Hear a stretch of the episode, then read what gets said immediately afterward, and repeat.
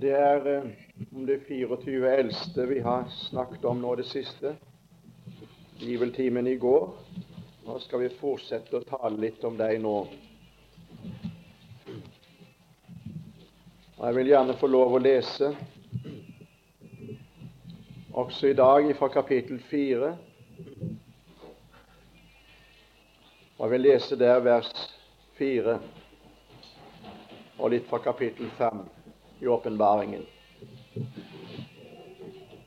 Og rundt omkring tronen var det 24 troner, og på tronene så jeg 24 eldste sitte, kledd i hvite klær, med gullkroner på sine hoder. Og kapittel 5,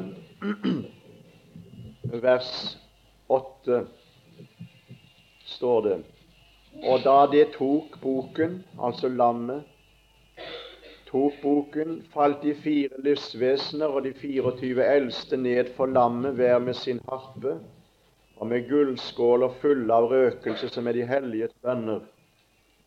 Og de synger en ny sang og sier, verdig er du til å ta boken og åpne seilene på den, fordi du ble slaktet og med ditt blod kjøpte oss til Gud av hver stamme og tunge og folk og ett, og gjorde dem til et kongerike og til prester for vår Gud, og de skal være konger på jorden. Herre Jesus, vil du vise oss på nytt at du har kjøpt oss, slik som de sang det her. Og vil du la det bli så stort for oss på nytt igjen, Herre, at vi er gjenløst og vi tilhører deg. Herre, for det er det som er sant.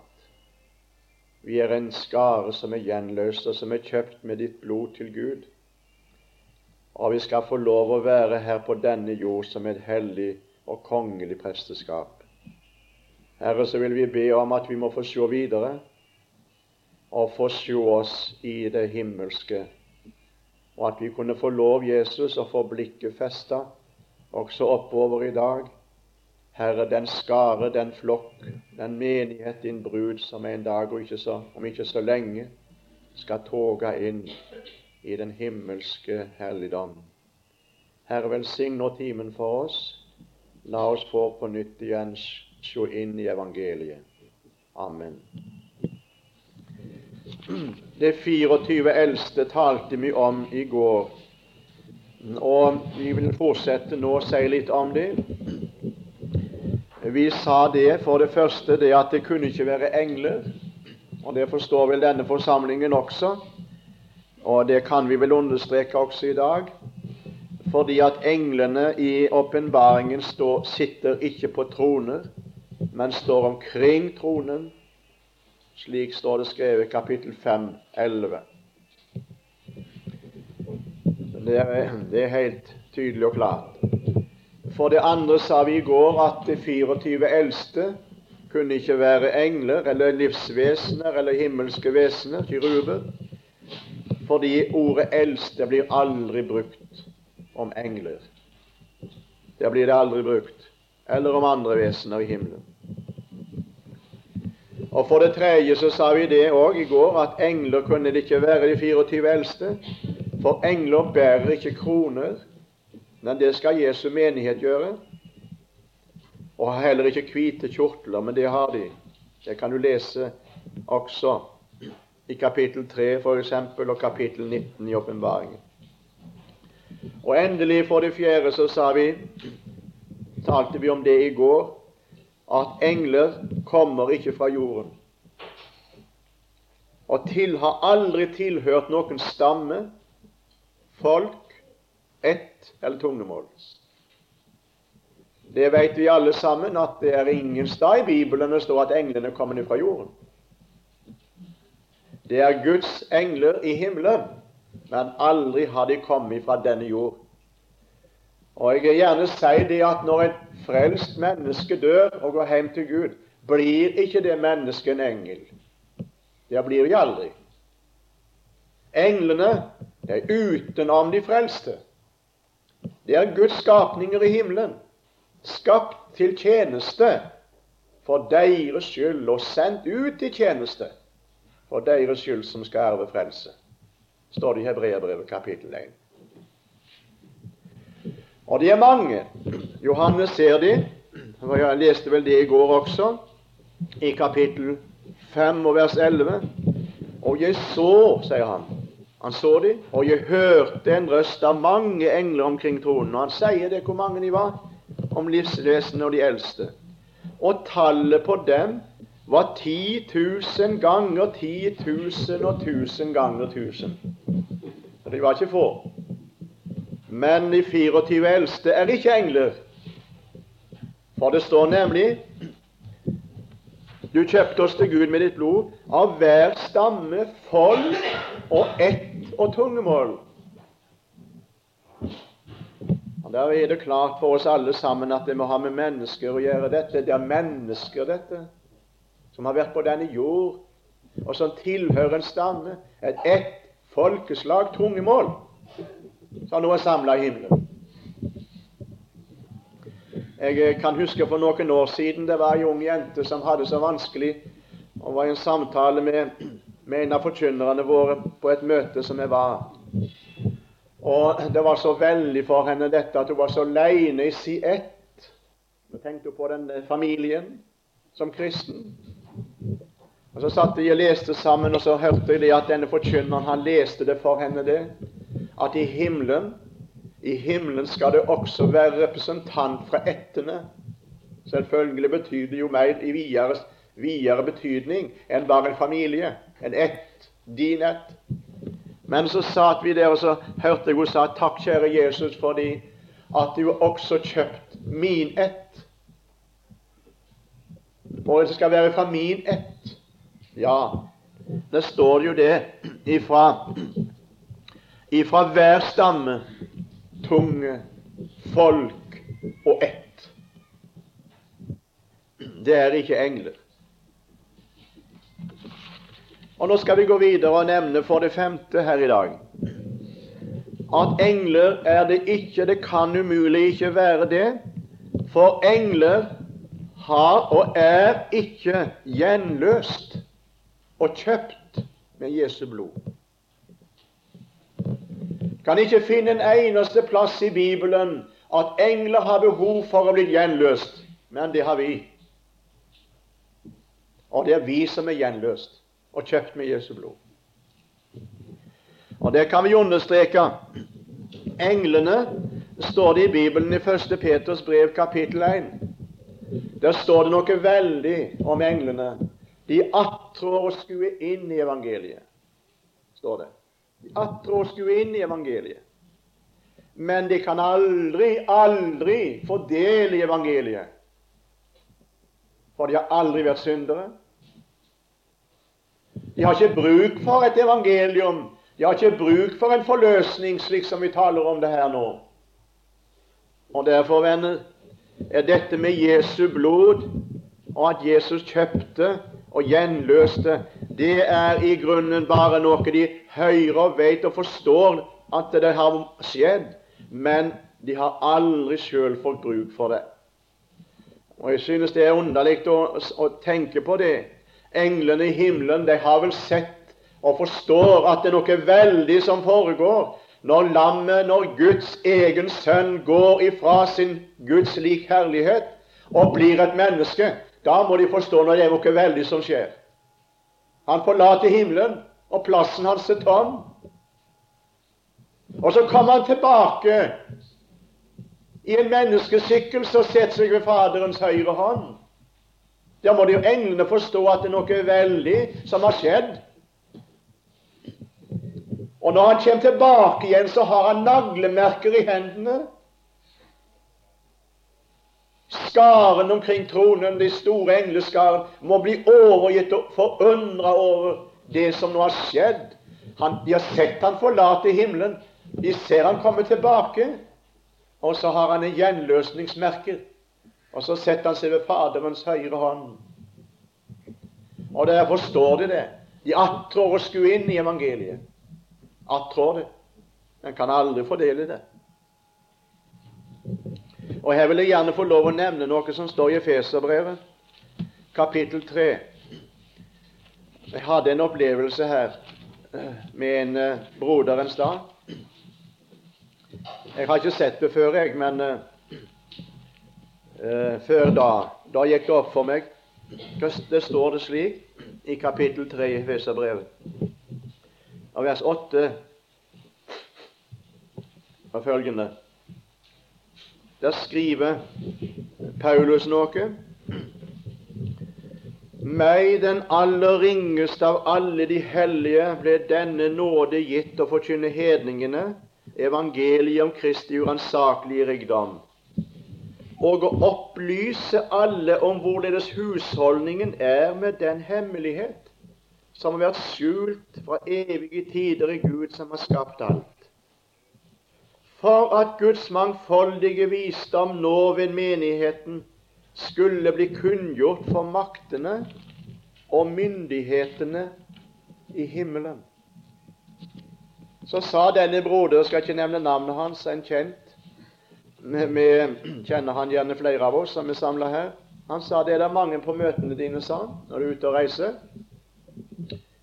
Ja, sa jeg, somme tider er det ganske bra, andre tider er det mindre. Det er så forskjell på det. Så sa han, har du lest hva som står i Efeserbrevet 3? At Guds mangfoldige visdom nå ved menigheten skal kunngjøres for meg, ikke for menneskene først og fremst, det står det òg, men for maktene og myndighetene i himmelen. Så sa han det slik, og det er hans ord når du og jeg forkynner evangeliet, så er det en skare i himmelen som lytter. De attrår å skue inn i evangeliet. De hører etter hva som menigheten forkynner. Ikke fordi at de trenger for å bli frelst, men for å få enda større enda større mulighet til å prise lammet som sitter på tronen, når de får se evangeliets virkninger på denne jord. Virkningene av Jesu verk som han har utført etter han forlot sin himmel og kom tilbake og satte seg ved Faderens høyre hånd. Det var hans ord.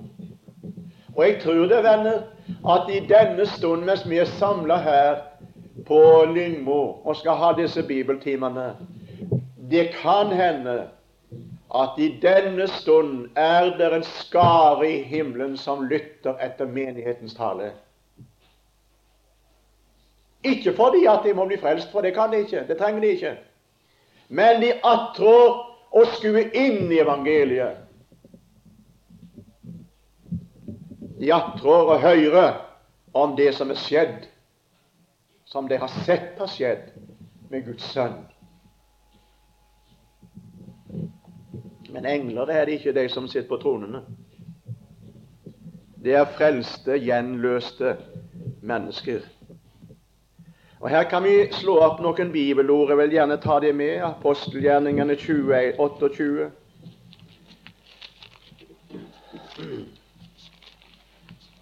Apostelgjerningene 20, 28. Der finner vi klare ord om menigheten, hvem de er.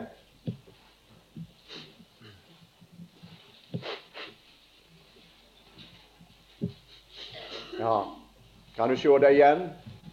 Kan du finne Er det en korrespondanse mellom apostelgjerningene 2028 og åpenbaringen 5.9?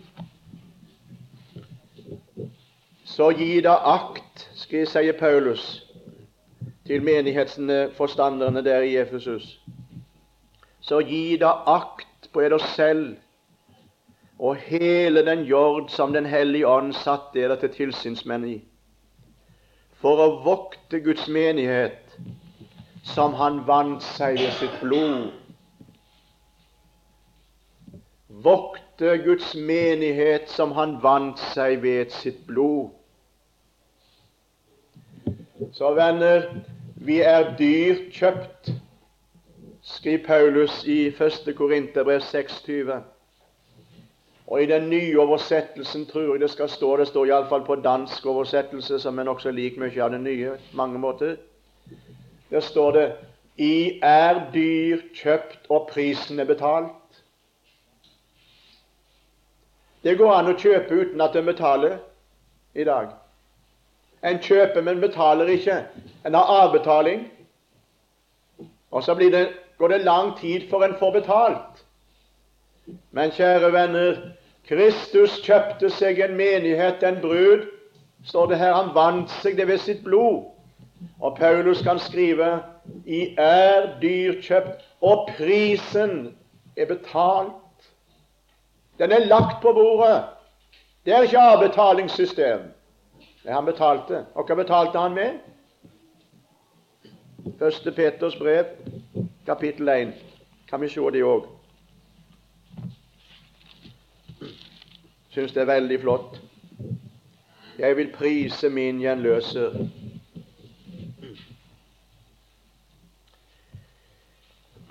Der står det slik, vers 18 For vi vet at ikke med forgjengelige ting, sølv eller gull, ble løskjøpt fra eders dårlige ferd, som var arvet fra fedrene, men med Kristi dyre blod, som blodet av et ulastelig og lyteløst lam.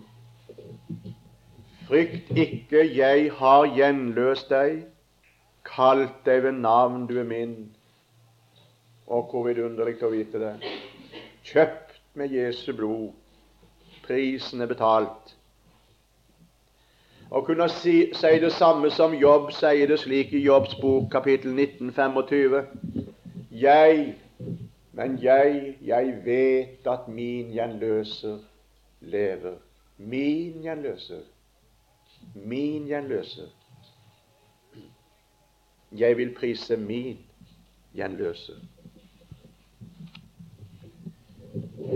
Så det er klart for oss alle sammen, og Bibelen den bruker både Det gamle og Det nye testamentet for så vidt, bruker den det ordet om Guds folk, de gjenløste. Vi finner i Det gamle testamentet flere plasser. De gjenløste. Salme 72, 74, 2. Der heter det om menigheten i Det gamle testamentet de gjenløste. Gjenløste. Og vi kan finne det her i Det nye testamentet flere plasser, som jeg allerede nå har nevnt. Så jeg håper det at vi ser det klart, alle sammen, at eh, de 24 eldste symbolsk tall 24, to ganger tolv, himmelens tall, tolv representant, for å si det tolvtallet representerer Det gamle testamentet og tolvtallet, det andre tolvtallet, Det nye testamentet. Han sier det slik Han, eh, han sier det slik han ja, Lars Æresland han har talt litt om dette hos oss nede i Bergen. Han var innom der. Han sier slik, han sier for det første om de fire livsvesener. Det er representanter for skapningen. Det skal vi komme litt tilbake til. Men så sier han de 24 eldste representerer menigheten. 12 fra GT og 12 fra NT. Det er hans ord. Og hvis du leser boka, vil jeg gjerne anbefale den. Jeg tror den er rå å få fatt i ennå. 'Synene fra Patmos' av professor L.J. Pedersen. Han skrev den boka i 1927, tror jeg det var. Han var professor ved et college, Luthers College i Minneapolis. Og han, eh, han, har gitt meg noe der. Den boka er nå kommet ut i ny nytt opplag, og den er veldig mye solgt. Jeg vil gjerne si etter jeg begynte å lese den, så er det blitt mer og mer klart for meg åpenbaringen er ingen lukka bok.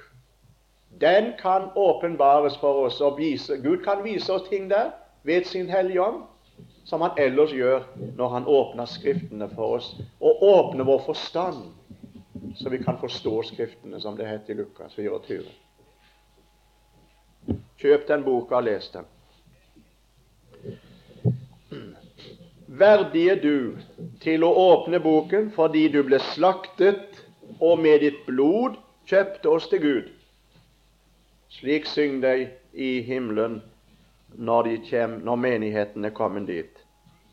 Om de frelste sjeler, syng det nå, det veit jeg ikke. Og jeg må gjerne få si det her at uh, dette som står i åpenbaringen, kjære venner, det er ikke skjedd noe ennå. For det første ennå ikke skjedd.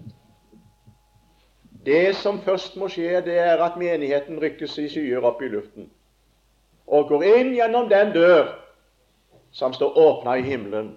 Kapittel 4.1. Eh, la meg få si det òg at det står i det synge Han skal åpne perleporten så at jeg får komme inn. Slik synger vi en sang. Tenk om vi kunne sagt, sunget den slik som den står på originalen, nemlig fra svensk. Der står det 'Han har åpnet perleporten'. Himmelen er åpen for Guds folk. Vi skal ikke banke på porten. Og tenk en gang når alle fram skal stevne til himmelens port, og alle banker på.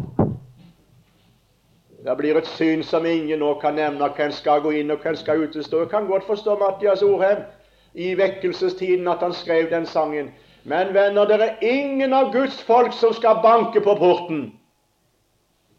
Nei, nei. Det blir ikke spørsmål om hvem skal du gå inn, eller skal jeg gå inn? Skal jeg stå utenfor, eller du stå utenfor? Hvem skal gå inn, og hvem skal ute stå? Det er klart det blir noen som blir frelst, og andre blir ufre, ikke, ikke frelst. Men Jesu Kristi menighet skal ikke banke på, og han skal ikke åpne perleporten. Han har gjort det. Det er en høyre med forsoningen, det, venner.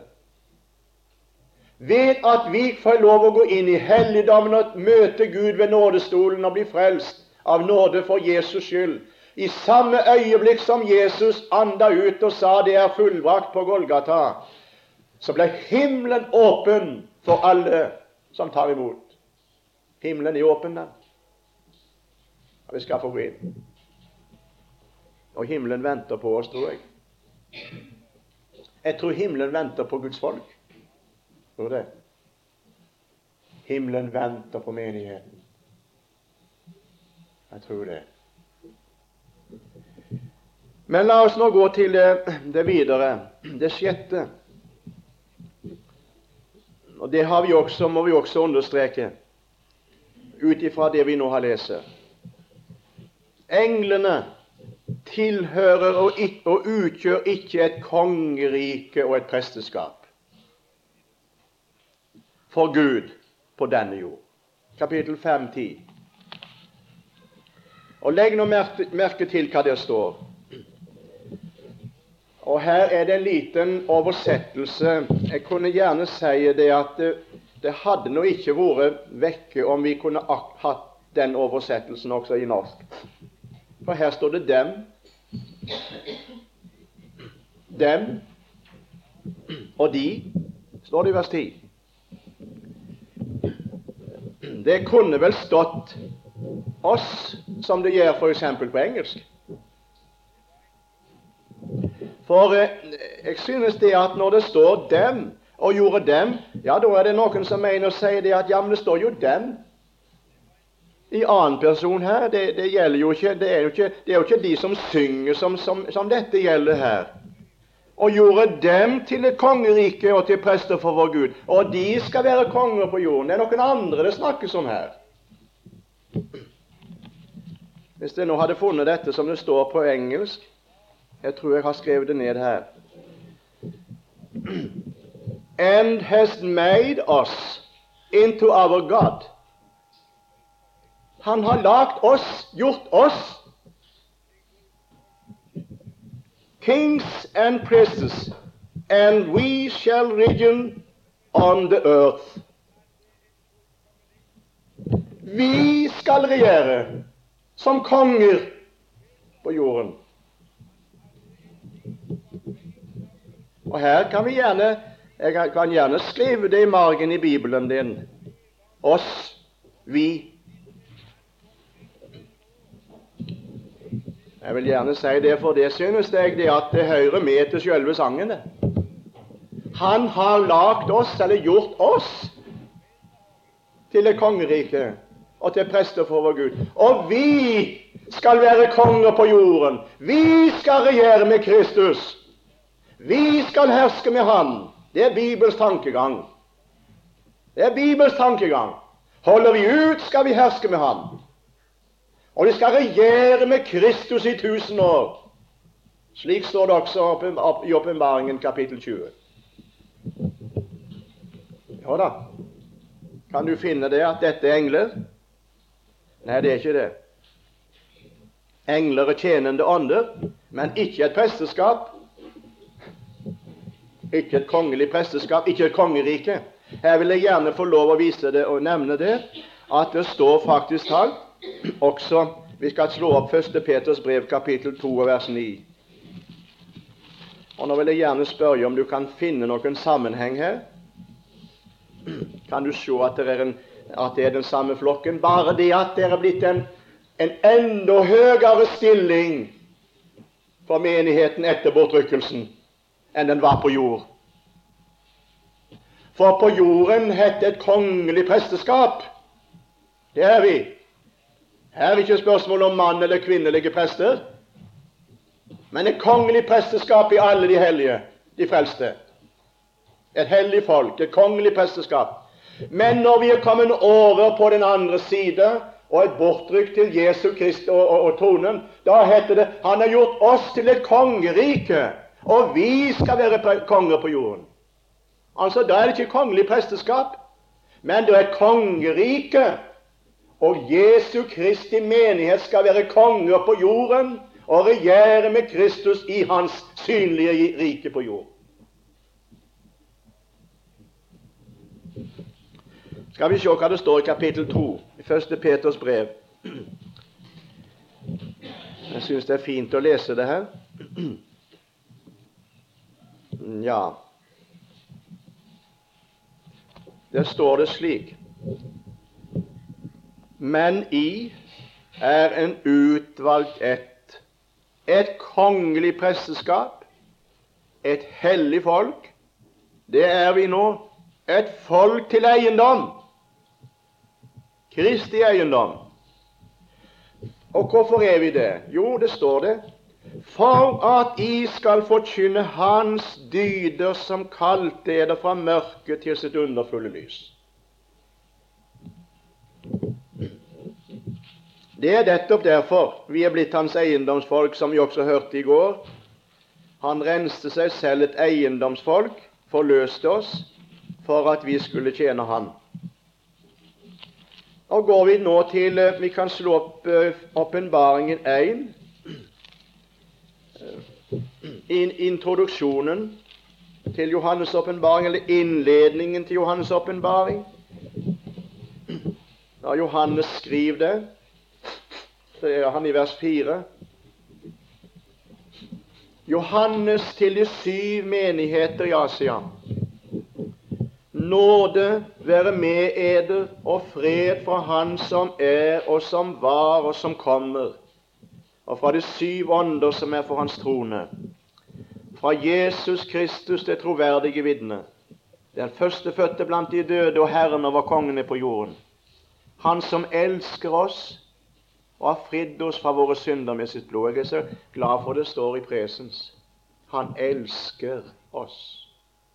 Han som elsker oss. Er ikke det fint? Står ikke 'elsket'. Elsker. Og det må du aldri komme bort ifra. Jeg vil få streke under det i dag også. Han elsker oss. Og som har gjort oss til et kongerike nå presenterer han den, den opphøyede stilling. Nå er det ikke et kongelig presteskap, men han har gjort oss til et kongerike og til prester for vår Gud. Nå kommer kongeriket først. Han tilhører æren og styrken i all evighet. Amen. Ja, ja, jeg vet ikke hva denne forsamling eh, kan se i dette nå. Elendig, fortapt og forloren. Se, det er min attest. Til arving i Kristus utkåret er jeg både konge og prest.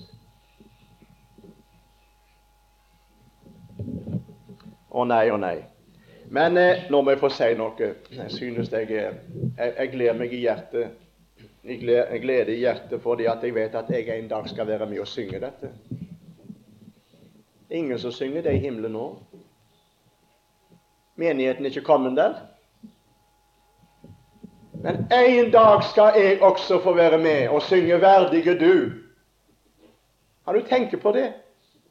At vi, Jesu Kristi menighet, de frelste, de døde i Kristus, skal først oppstå, og så skal vi sammen med dem rykke seg skyer opp i luften og gå inn gjennom den åpne himmeldør og ta plass. Og så skal vi se det som Johannes så for hundreder av år siden. Så skal vi se når lammet bryter seilene. Skal du være med i den sangen? Når de synges 'Verdige du'? Det synges ikke det nå, for skaren er ikke kommet der ennå. Kan du se deg sjøl i den skaren av menigheten som skal synge slik? Verdig er du som kjøpte oss til Gud med ditt blod og gjorde oss til det vi er. Det er du som har gjort det, ikke vi.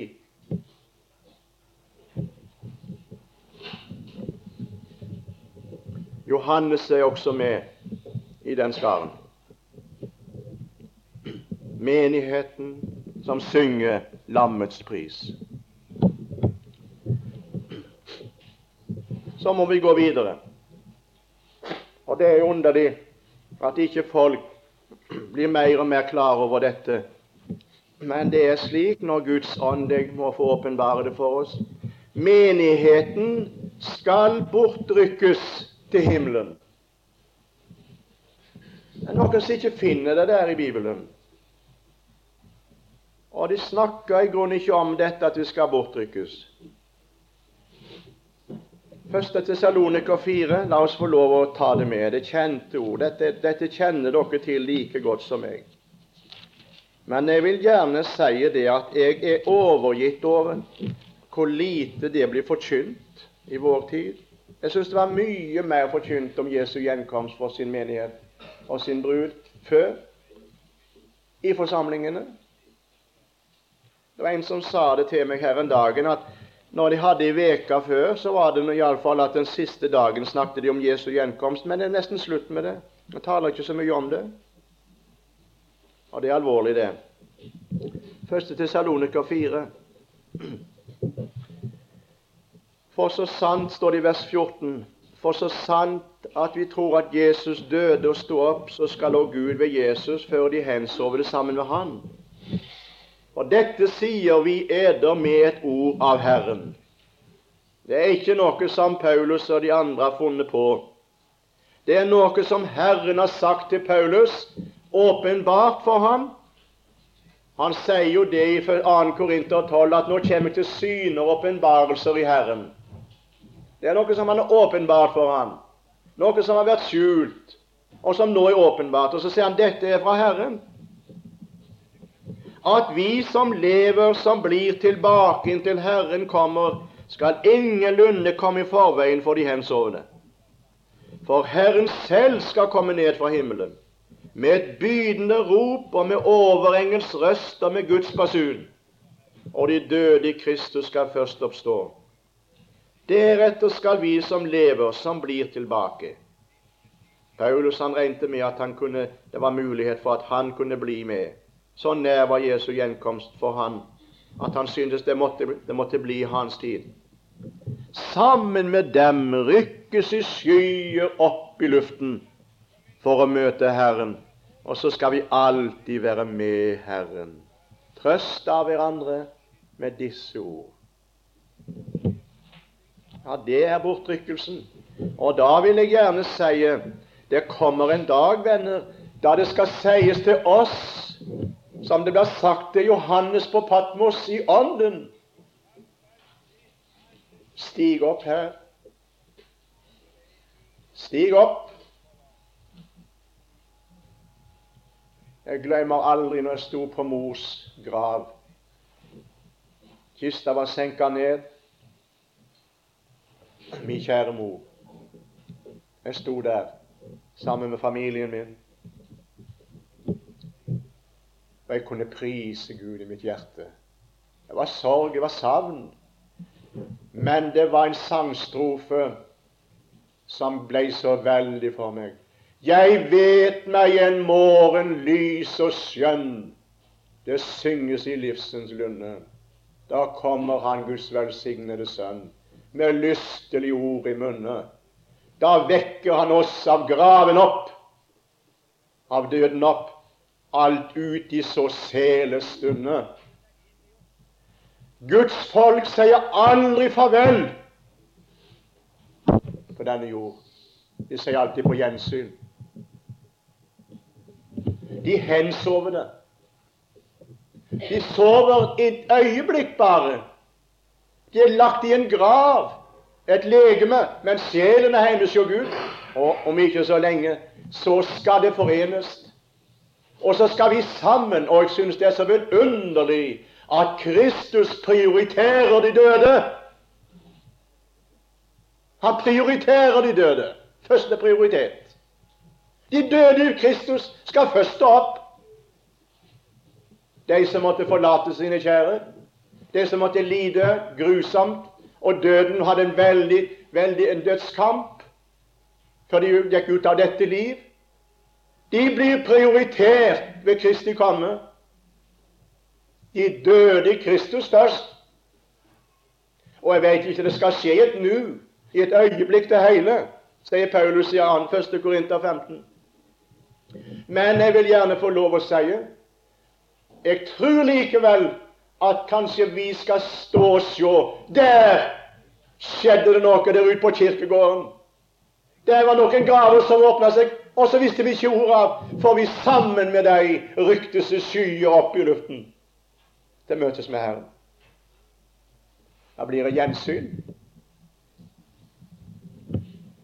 En, en samling av Jesu Kristi menighet, av de frelste, fra den som lå i graven, og de som var levende, sammen med dem. Og jeg synes det var så fint å vite sammen med dem vi sa farvel til, eller vi, vi, vi la i grav. Sammen med dem skal vi rykkes i skyer opp i luften. Og Herren skal vite å kalle de fram Husk på det, kjære venn. Var det en som måtte gi sitt liv og, og drukna ute på havet? Ja, om han kom i fiskens buk og ble fortært, eller hvor døden måtte være den inntrådte, og hvordan den ble for den døde. Han kaller det fram Jeg sto der på mors grav. Vi la mor i bestemors grav i. Bestemor, mor til mor, døde i 1930. I 1961 døde mor. Og jeg husker som barn jeg sto ved bestemors grav i 1930. Hun døde også i troen på Jesus. Når vi nå grov opp og skulle legge mor ned, så var det ingenting igjen. Ikke så mye som ei flis. Hvor var blitt av? Smuldra til støv. Av jord er du kommet, til jord skal du bli. Så la vi mor der, i samme grav. De hviler begge to i samme grav. Men når Kristus kommer, skal han rope både mor og bestemor opp fram. De er der. Og legeme, det herliggjorte legeme, skal forenes med sjelen. Og vi sammen med dem og Ånden, sammen med dem skal vi rykkes i skyer opp i luften for å møte Herren. Og så skal vi alltid være sammen med Herren. Derfor skal eh, mannen forlate far og mor, holde seg til sin hustru, og de to skal være ett kjøtt. Vi er det nå i ånden, men venner, nå ser vi en speil i en gåte. Da skal vi se åsyn. Da blir det noe annet enn det er nå. Vi skal forenes med Jesus. Og Jeg vil gjerne understreke det her for oss i dag. Det står ikke det nå må det skremme hverandre med Jesu gjenkomst. Det heter ikke det. Det skulle vel bare mangle at Guds folk skulle bli redd og bli forena i herlighet og møte Jesus. Nei, trøst hverandre. Trøst hverandre. Det kommer en dag da vi sammen med de døde i Kristus skal møtes med Jesus. Rykkes i skyer. Og Her må jeg gjerne få lov å sitere også Jesu egne ord i Johannes 14. Jeg kan ikke skjønne disse her. Det er kommet en lære i dag. Jeg er redd for den. Jeg vil gjerne advare imot den. Den er veldig besnærende. Og det sværeste av alt er det at den kommer fra en biskop som har tillit. Jeg kan ikke skjønne han. Og jeg være alene om det. Men da jeg var og hørte han i Bergen, så sa han det til en stor flokk med lærere. Det var nå et par hundre lærere. Når dere nå reiser ut og skal være lærere i barneskolen, sa han, må det endelig si fra til barna at det med himmelen, det er bare en ønskedrøm. Ingen skal til himmelen. Det er himmelen som skal komme ned. Og han sa det slik Vi må ikke lengte til himmelen, for det, det gjør det så vanskelig for oss at verden, skal, verden forstår oss ikke da. For det med himmelen, det har med gresk mytologi å lengte seg vekk, som lengter seg vekk fra alt det her på denne jord. Verden er ingen tåredal. Akkurat slik sa han det. Verden er ikke vanskelig. Det her er godt å være. Og vi må ikke vise det at vi lengter vekk fra denne jord, for da ødelegger vi for Guds rike. Vi skal være her og gjøre det beste ut av det, og så skal himmelen komme ned til oss. Og så skal det bli fullkomment. Jeg følges med ei, eh, en lærer ut ifra det møtet. Hun var søndagsskolelærer også. Og så sa hun det til meg i døra, Røykenes. Nå forstår jeg ingenting. Jeg har sagt det nå i alle disse år til barna at vi skal til himmelen når Jesus kommer. Vi skal til himmelen. Hva skal jeg si? Jeg så på henne og sa Si det enda sterkere enn før. Kan du forstå slik? Og Jeg hadde en liten prat med han, det var ikke nå, men det var her tidligere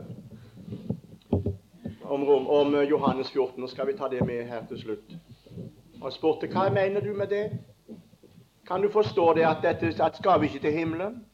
Skal ikke vi rykke til skyer opp i luften? Skal vi ikke komme der Jesus er? Det kunne han i grunnen ikke svare på ute i Johannes 14. Eders hjerte forferdes ikke. Tro på Gud og tro på meg. I min Faders hus er det mange rom. Var det ikke så? Da har jeg sagt dere der det.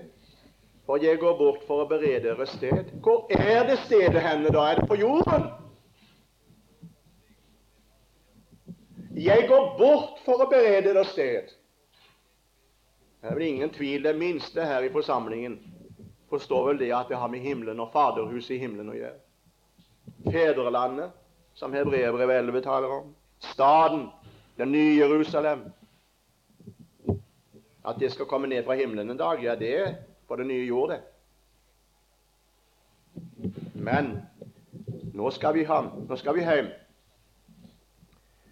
Gå bort og bered dere sted, og når jeg er gått bort og har beredt dere sted, da kommer jeg igjen for å ta dere til meg, for at dere skal være der hvor jeg er. Legg merke til for at dere skal være der hvor jeg er. Ja, ja, ja. Vi skal til himmelen, venner. Vi skal rykkes i skyer opp i luften, og han skal rope til oss slik at alle hører det. Stig opp her. Så sier Johannes plutselig, straks var jeg bortrykket i ånden. Det som Johannes opplevde i ånden, skal vi oppleve i virkeligheten. Herlige dag tyngdeloven oppheves. Vi løftes ifra jorden. Da er det slutt. Da ligger fillen igjen. Det er ingenting med oss. Og for et herlig dag da vi skal fare i skare opp for å møte brudgommen. for å benkes ved himmelens bord, som han sier i Ankerbolig. Da Jesu bønn i, i Johannes 17, 24 blir oppfylt. Fader, jeg vil at de som du har gitt meg, skal være der jeg er. For at de skal se min herlighet som du har gitt meg, fordi du har elsket meg før verdens grunnvoll ble lagd. Vi hadde en, en eldre forkynner nede på Sørlandet. De kjenner sikkert han. Han har sikkert vært der også. Han heter Fredrik Grøva. Han har vært sekretær og predikant i Misjonssambandet i mange herrens år. Han har skrevet i bok nå. Jeg vil gjerne anbefale den. Den er altså så god. Har du lest den? Ja. Når Jesus kommer. Når brukeren kommer. Han har studert Bibelen om de siste ting, han, i mange år. Han skriver fint. Og jeg er så enig med han i den boka. Han sto på et møte nede i uh, Flekkefjord og talte til en ungdomsflokk, en yngres flokk, som ikke bare var yngres i navnet, eller det vil si at de var med i en, en flokk der men, eh, og en forening, men de var virkelig frelste ungdommer. Det var de. Og kom de gjennom til liv med Gud. Iallfall det var de, de fleste, det. Så sto han på talerstolen og så sa han, jeg har så lyst til å si dere noe som dere sikkert er overgitt på når jeg sier. Men jeg sier det likevel. Ungdommer, jeg tror, dere, jeg tror dere slipper å dø. Spissa de ørene alle sammen. Slipper vi å dø? Hva mener du med det?